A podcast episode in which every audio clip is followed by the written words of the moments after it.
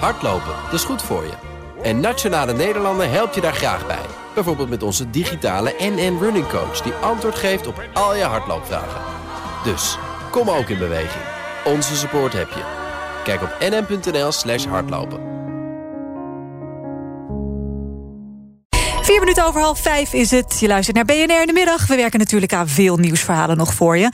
Pfizer bijvoorbeeld kwam vandaag met de kwartaalcijfers. Niet zo verrassend, die zagen er heel erg goed uit. Meer dan 5 miljard winst in het afgelopen kwartaal. En het bedrijf verwacht dat ze dit jaar natuurlijk nog fors meer gaan verdienen aan coronavaccins. Dus ze schroeven die omzetverwachting ook nog verder op. Tegelijk met die cijfers kwam Pfizer ook met een nieuwe studie naar buiten. Waaruit zou blijken dat de derde prik, de booster zoals we die noemen, goed beschermt tegen de Delta-variant. Nou, op dit moment is een expert voor ons die data aan het bestuderen. Daar gaan we om vijf uur met hem over praten. En drie van de grote techbedrijven kwamen met klinkende cijfers. They surprised on the upside even there, uh, with some pushing out, like Google, who said that the margins would come in, but Microsoft surprisingly saying that, that there's, there's even more leverage. Het gaat dus om Alphabet of Microsoft en Apple. En ze verdienen goed geld, maar zit er ook een ontwikkeling in de hoeveelheid belasting die ze betalen? Dat zoeken we uit en straks meer erover even voor zes uur. Maar nu eerst. Ja, de formerende partijen die hebben een break genomen. Even lekker op vakantie met z'n allen, want ze willen zich bezinnen. Nou, dat doen wij ook.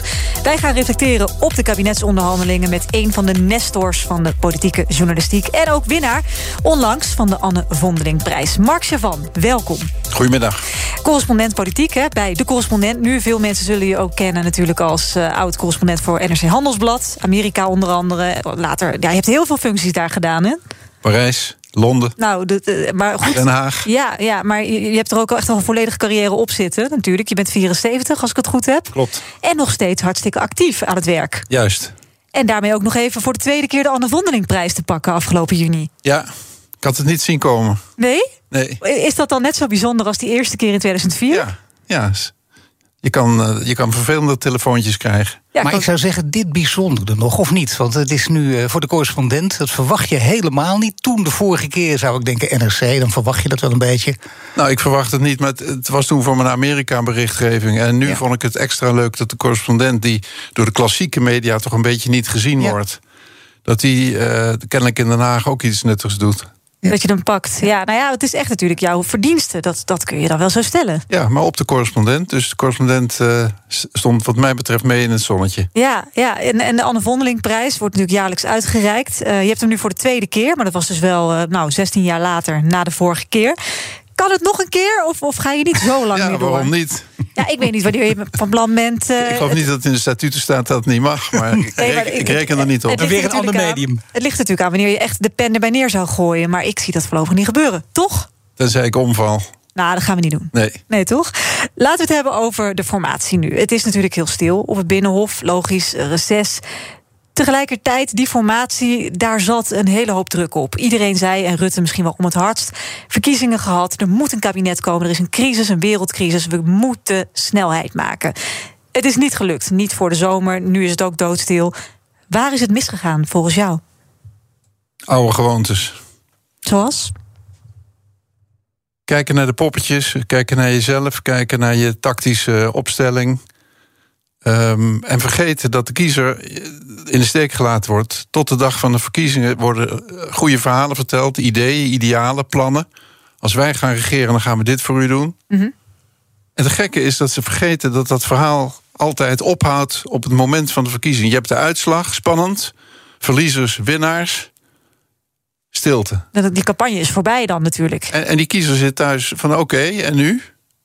Ja, oh, dan, dan worden er nog wat dingen gezegd van het moet snel en de crisis en corona en de wereld en de economie mm -hmm. en het klimaat. Dus voor het zomer is, moet het nieuwe kabinet op het bordes staan. Nou, goed plan, denkt de kiezer. Ja, zeker. Vond, was in mijn ogen leek het me heel uh, plausibel. Gaat koffie halen en hoort verder niks meer. En dat zeg jij, dat is heel gek. Het is al, al, al tientallen jaren zo, maar het blijft heel gek. En ik vond het dit jaar nog extra gek, omdat het kabinet dubbel demissionair was. Ze waren in januari afgetreden vanwege de kindertoeslagenaffaire. Mm -hmm. Toen in maart waren de verkiezingen, dan treedt een kabinet normaal af... om ruimte te maken voor de formatie van een nieuw kabinet. Intussen lopen, doen ze lopende zaken. Dus het kabinet was dubbel demissionair.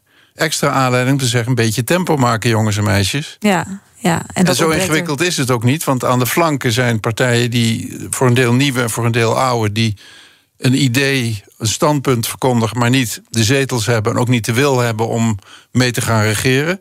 Dus het komt neer op een stuk of zes, vijf partijen in het midden die het met elkaar zullen moeten doen. En wie ligt er dan het meeste dwars? Want jij zegt, het is niet zo moeilijk.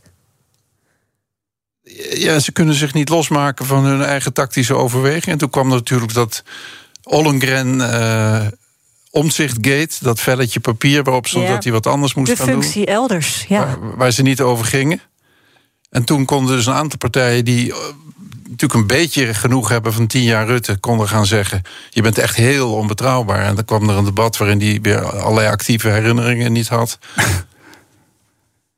En dat leidde heel erg af. Maar voor de kiezer is dat, is dat bijspel, is dat pimpampetten, is dat eh, een Haags inkrautspelletje. Is dat veel te groot geworden naar jouw Ja, smaak? het heeft vooral veel te lang geduurd. Ga er een middag over praten met elkaar en zeg boe, straf. Ja. Maar ja, wat we nu zien, hè, dat is toch wel opmerkelijk. Vanaf 15 januari zit je met een demissionair kabinet. Op een gegeven moment heb je een man eh, waar het volk dan wel naar kijkt en luistert, zou je denken. Dat is namelijk Pieter Omzicht. Ook een heel spel, we weten niet wat er gebeurt. En het lijkt er nu op vakantie. Alle ogen zijn gericht op Pieter Omzicht. En waarom? En alleen al door de aankondiging een paar dagen geleden. 24 september spreekt Pieter Omzicht, houdt een lezing over het sociaal contract in Amsterdam. Ja, dus de titel van zijn boek, Ja. die iedereen kan kopen en lezen. En waar zijn ideeën in staan over belasting en over sociale rechtvaardigheid. En als hij daar een lezing over had. Het is knap van hem om de spanning op te bouwen, maar gaat het de formatie helpen? Is eigenlijk wat me nu even meer interesseert. Nou ja, maar dat is de vraag dan inderdaad. Hè? Want het is, eh, je zou misschien doet hij het om zijn boek te verkopen. Dat kan, maar het is ook voor het eerst weer een openbaar optreden. De ogen zijn daarop gericht. Wie weet wat hij gaat zeggen. Het CDA kijkt ernaar. Ook een belangrijke speler in die formatie. Of speelt dat helemaal geen rol? Moeten we dat gewoon ook terzijde schuiven? Nou, ik denk niet dat we als journalistiek nu tot 24 september de pennen moeten neerleggen. Nee, dat niet. nee. Tot Pieter Omtzigt eh, van de berg is afgedaald. Ik denk dat we iedereen zouden moeten aanmoedigen in Den Haag om na drie weken vakantie gewoon als de donder aan de slag te gaan. Had je zelfs moeten zeggen, als je kabinet was geweest in deze tijd... en je voelt de tijdgeest aan, we moeten dit jaar niet op vakantie gaan... en dat dan ook echt eh, flink op de trommel roffelen, of is dat fout? Nou, ze hebben natuurlijk door corona een krankzinnig jaar gehad. Dus ik gun het ze van harte. Hoewel ik, als ik nu zie dat eh, minister De Jonge de oververmoeide Van Ark moet gaan vervangen... dan denk ik, die komt helemaal niet de vakantie toe. Dan is het voor hem misschien een voordeel dat Wopke Hoekstra... de onderhandelingen voor het CDA moet doen. Zo interessant wat je nu net zegt. Je zegt oververmoeid, maar ik lees nekklachten. Eh, Is, dat één op één te relateren? Ja, ik, ik ben niet van de afdeling stress-explanatie. maar Nee, maar ik dacht, misschien heb jij insidersinformatie gekregen... dat Van Ark eh, gewoon wel degelijk een beetje burn-out is. Ja. Ik lees nekklachten. Dat is iets anders, toch? nou, dan houden we het daarbij. Ja, nekklachten? Ja, nou ja, goed. Dat kan er best overkomen. Eh, even terug naar die, die, dat campaign, hè? De- de- Het, het uitdragen van je idealen waar je het over had. Wat, waar eigenlijk al die politici mee stoppen. Zeg jij direct, als de, de uitslag van de verkiezingen eh, er is... dan is iedereen stil. Hè? Dan gaan die luiken een beetje dicht op het Binnenhof. Zeker rondom de formatie. Als je zou zeggen, we gaan door met die campagne. Je blijft dus een beetje uitdragen, hier staan wij voor. Wat draagt dat wat jou betreft dan bij aan dat vorming van, van een kabinet? Ja, wat er nu gebeurt is een uiting van het grote misverstand... dat politiek met een kleine p is campagne voeren, idealen uitdragen... en daarna gaan we als volwassenen aan het werk met besturen. Regelen, dingetjes oplossen. Het zijn te veel gescheiden dingen, wat jou En betreft. dat is het grote misverstand. De Tweede Kamer en de politiek is er niet om te besturen... is er om ideeën uit te dragen... en dan op een soort, wat ik noem, de grote invoegstrook van het parlement... te komen tot twee rijbanen Ja. tot oplossingen, tot compromissen. En wat dus do- door moet gaan, is niet campagne voeren in het, in het wilde weg. Maar duidelijk maken, we gaan nu. Die kant op. We gaan met vier partijen, we gaan met vijf partijen praten. Dus mijn CDA of mijn D66-ideeën kunnen niet allemaal uitgevoerd worden. Ik heb ze nog. Ja. Ik wil ze je ook best nog een keer vertellen. Voor ons is dit en dit heel belangrijk en daar gaan we voor knokken. Maar toch gaat het niet meer over de idee al heel lang. Hè? Dat heeft Rutte natuurlijk eh, op een heel andere manier opgelost. Zoals een pragmatisme en voortdurend. eh, Ja, tijdens de campagne had Rutte de oplossing van kies de manager. Het is coronatijd, even geen politiek. Ja. Depolitiseren is niet waar de politiek voor is. De politiek is er voor uitleggen waar je voor staat. Hoe jij vindt dat Nederland moet worden bestuurd en in de wereld moet optreden. Mag ik toch even een rare vraag stellen? Kwam dat terug met die 17 partijen? Daar wordt verschillend over gedacht. Hè? Kwam dat terug met 17 partijen? Want een enorme versplintering, maar wel allemaal met eigen ideeën.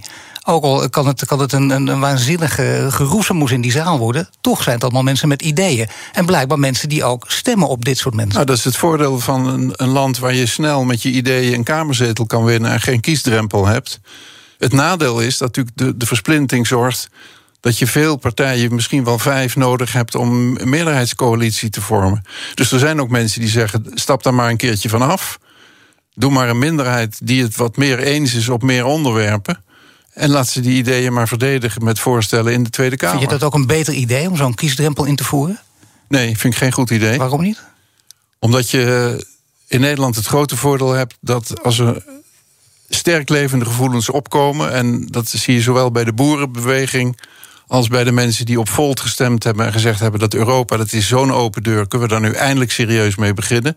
En een aantal andere nieuwe bewegingen. Ja, 21 is Forum voor Democratie met andere middelen, met andere woorden. Dat is eh, groot goed dat we het in Nederland snel tot in het parlement kunnen doorvoeren. Hm.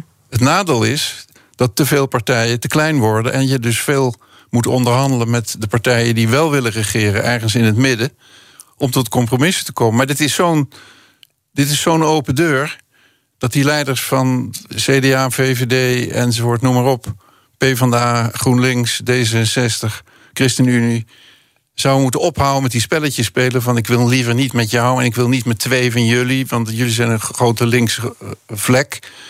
Ja, en je hebt dit dus de afgelopen decennia veel meer zien gebeuren. Hè, als een soort dat trend. Neemt, dat neemt toe naarmate die Ja. grote partijen kleiner worden. Precies. Moeten ze met meer? En is het dus het risico dat ze te veel gaan zitten pimpampetten tijdens de formatie? Maar het Is dat ook echt iets wat jou stoort? Waarin jij bijvoorbeeld nu echt wel wat meer moeite hebt met de hedendaagse politiek dan misschien 10 of 20 jaar geleden? Nee, ik vind het een logisch gevolg. Maar wat het, de grote gemeenschappelijke fout is... dat ze de overheid zien als een bedrijf. Ja. En dat ze dus ophouden met politiek te bedrijven op een begrijpelijke manier. Namelijk uitleggen waar je voor staat... en uitleggen dat er compromissen nodig zijn. En die dan beonderhandelen. Kan dat nog terug naar, naar deze situatie, zoals je nu zegt? Ja, als En, men- en wie moet daar dan de leiding in nemen? Als men het gaat inzien, het zou fantastisch zijn... als de leider van de grootste partij deed... Gewoon premier Rutte, op dit- demissionair premier Rutte op dit moment. Maar alle leiders van de andere partijen zullen het ook moeten doen. Om duidelijk te maken dat ze het land willen regeren volgens hun ideeën en niet als een bedrijf. Heb je hoop dat dat nog kan gebeuren? Het zal een keer moeten beginnen. Waarom niet deze keer? Laat ze uitgerust van vakantie terugkomen en zeggen: We got it. Kan jij daar nog een rol in spelen, Mark? De rol van de pers is, zoals je weet, heel bescheiden. Ja, ja. Ik denk dat eh, Den Haag daar vast heel anders Nou, over die derde prijs, volgende prijs die komt eraan, zo te horen. Veel dank voor jouw komst hier naar de studio. Mark Servan, correspondent politiek. Hardlopen, dat is goed voor je. En Nationale Nederlanden helpt je daar graag bij. Bijvoorbeeld met onze digitale NN Running Coach... die antwoord geeft op al je hardloopvragen. Dus, kom ook in beweging. Onze support heb je. Kijk op nn.nl slash hardlopen.